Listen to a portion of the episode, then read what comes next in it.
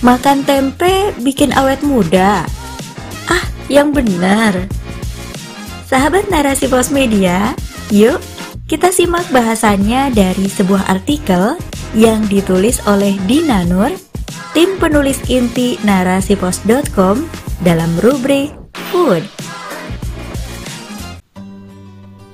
Mbak-mbak, kok bisa sih terlihat awet muda? Bagi-bagi resepnya dong. Ah masa? Terima kasih loh, aku jadi tersanjung nih. Apa ya resepnya? Aku juga nggak begitu tahu sih. Apa mungkin gegara aku suka makan tempe kali ya? Soalnya, aku pernah baca sebuah artikel kalau tempe mengandung zat yang bisa menghambat penuaan dini. Sahabat narasi pos, wanita mana yang tak girang bila dikatakan awet muda? Kulitnya segar dan mulus. Semua pasti sukalah. Lalu, apa benar kalau rajin makan tempe bisa bikin awet muda? Tempe, makanan sejuta umat, makanan rakyat Pas banget julukan itu tersematkan untuk tempe. Tahu sendiri dong, kalau tempe menjadi makanan yang selalu ada dalam menu sehari-hari rakyat Indonesia. Tiada hari makan tempe. Tempe everyday pokoknya. Kenapa sih tempe begitu merakyat? Karena selain gampang ditemukan, tempe juga harganya amat terjangkau Cukup merogoh Rp2.000 saja, kita sudah dapat sepotong tempe seukuran telapak tangan orang dewasa. Itu kalau di tempat saya ya. Kalau di tempat lain, harganya paling juga tak jauh beda. Intinya, tempe itu mudah didapatkan dan murah meriah. Sahabat, tempe juga bisa diolah dengan berbagai variasi loh mulai dari digoreng, direbus, dibakar, lalu dibacem, dipeye, dibikin crispy, dibikin mendoan, dibikin sate, dibumbui dengan berbagai rempah-rempah, dibikin oseng-oseng juga bisa, sampai dibikin burger pun juga bisa. Berbagai macam kreasi olahan tempe siap menggoyang lidah. Nikmat! Kalau di Indonesia, kita bisa mendapatkan tempe dengan harga yang murah meriah, tetapi di luar negeri, harga tempe bisa mencapai ratusan ribu. Seperti halnya di Inggris, di mana sebungkus tempe bisa seharga 287 ribu rupiah. Lalu di Amerika, tempe lebih mahal lagi, yaitu 400 ribu rupiah per bungkusnya. Tempe jadi makanan sultan kalau di mancanegara. Wow!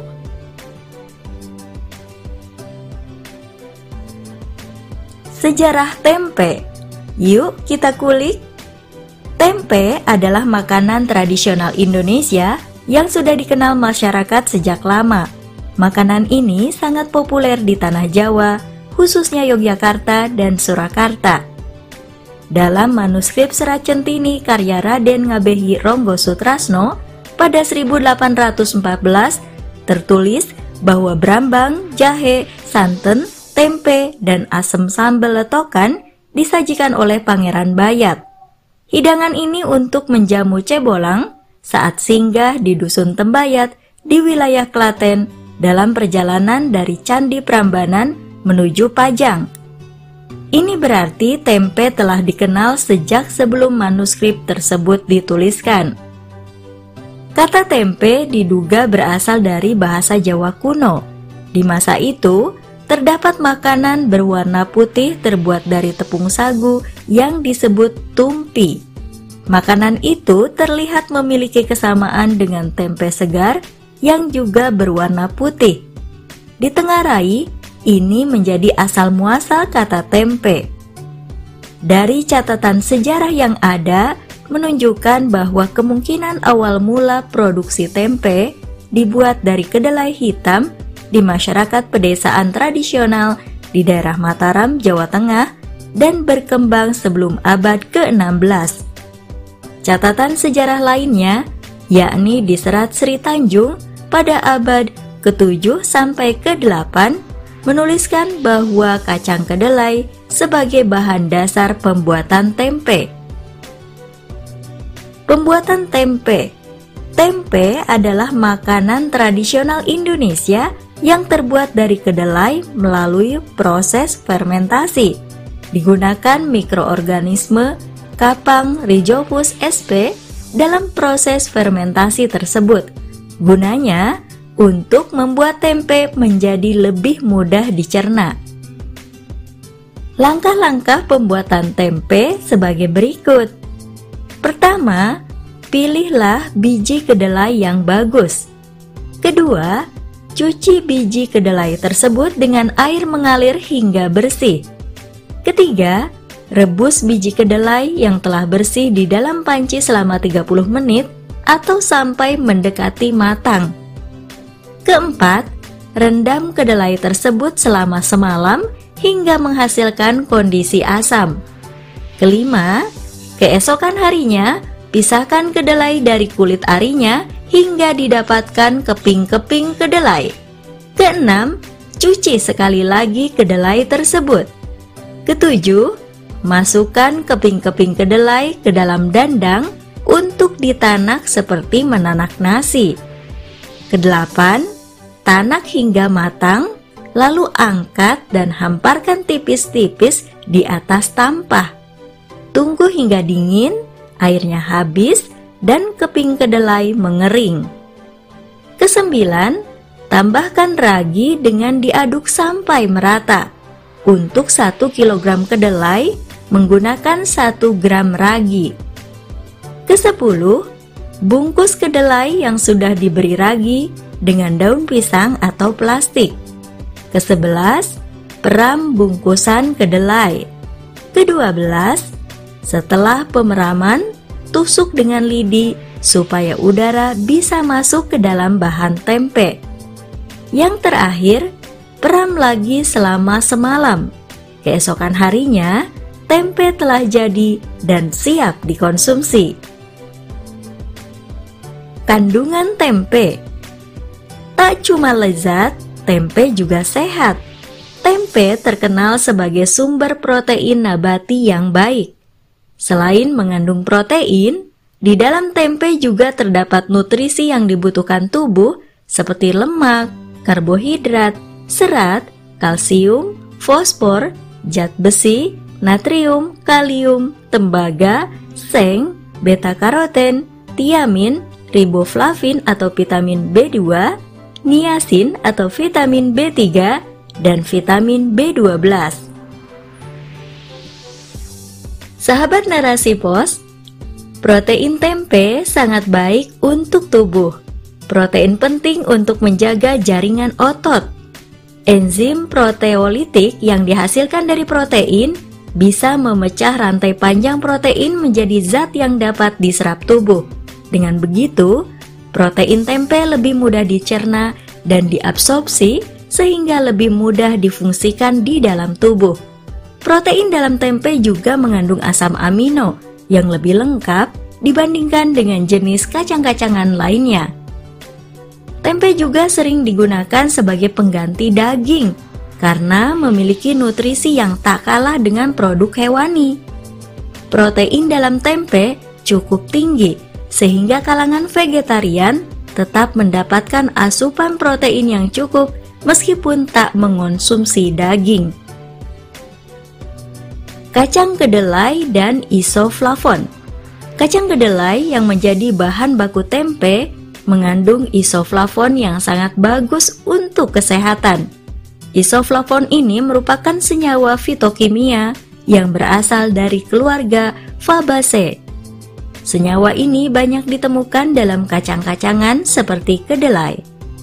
Isoflavon merupakan fitoestrogen, yakni zat yang memiliki sifat dan cara kerja menyerupai hormon estrogen pada wanita.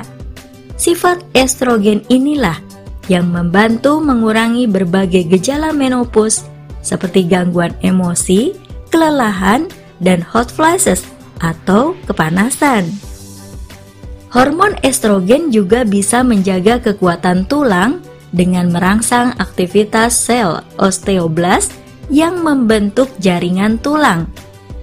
Kombinasi protein kedelai dan suplemen isoflavon mampu meningkatkan kepadatan tulang.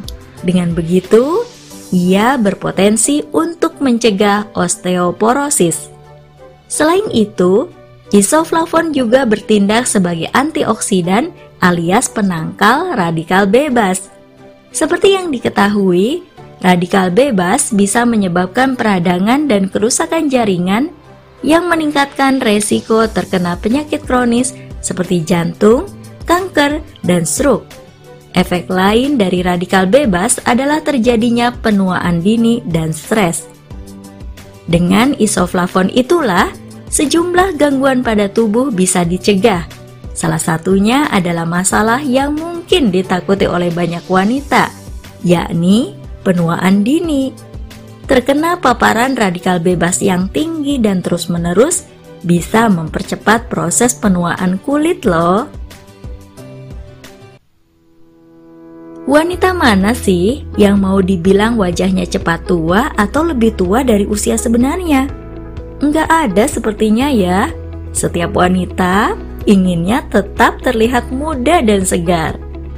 Namun, tak selalu rajin makan tempe terus bisa tampak awet muda.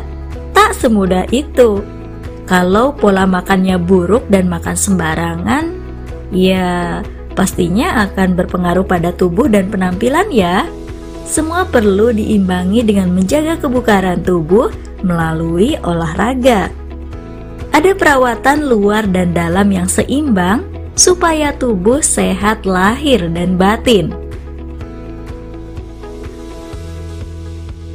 Sahabat narasi pos, menjadi tua adalah sebuah proses alami dalam kehidupan tidak ada manusia yang selamanya muda. Ia pasti akan menua.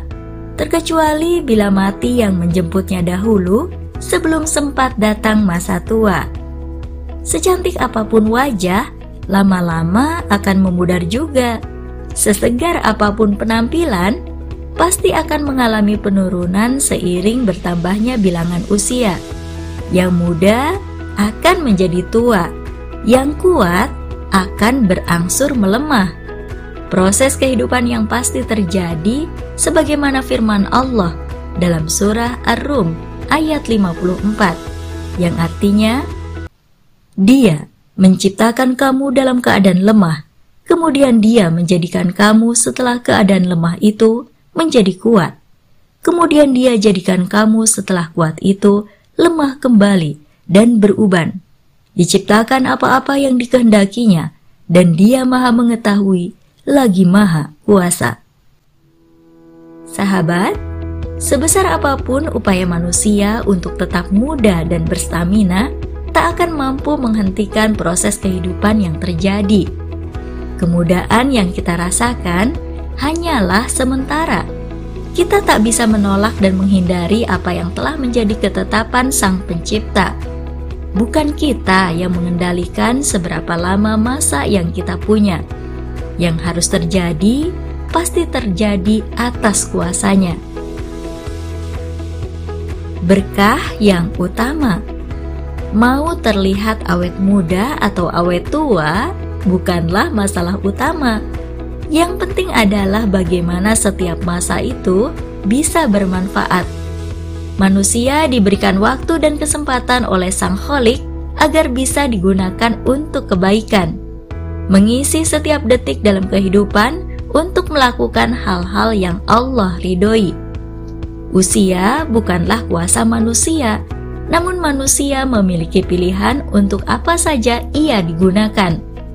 Syariat telah memberikan panduan bagaimana harusnya manusia melakukan bukan panjang atau pendeknya usia yang menentukan kebaikan, melainkan seberapa banyak amalan yang telah dilakukan. Rasulullah telah menyatakan bahwa sebaik-baik orang adalah yang panjang umurnya dan amalannya baik. Hadis riwayat Tirmizi. Usia boleh tua, Tetapi semangat tetap muda, semangat untuk beramal baik tentunya. Mumpung masih muda, perbanyaklah amal kita agar semakin banyak pula bekal yang kita bawa nantinya. Dianugerahi hingga menjejaki masa tua, hendaknya amat disyukuri dengan semakin mendekatkan diri pada Sang Maha Kuasa, karena kematian semakin mendekat pula. Memaksimalkan masa yang tersisa dengan menambah amal kebaikan, sebagaimana sabda Rasulullah, yang artinya, Janganlah seseorang dari kalian mengharapkan kematian, dan jangan pula berdoa agar segera mendapat kematian sebelum kematian itu datang kepadanya. Sesungguhnya bila ia mati, maka terputuslah amalannya dan tidaklah usia seorang mukmin itu bertambah pada dirinya kecuali akan menambah kebaikan. Hadis riwayat Muslim.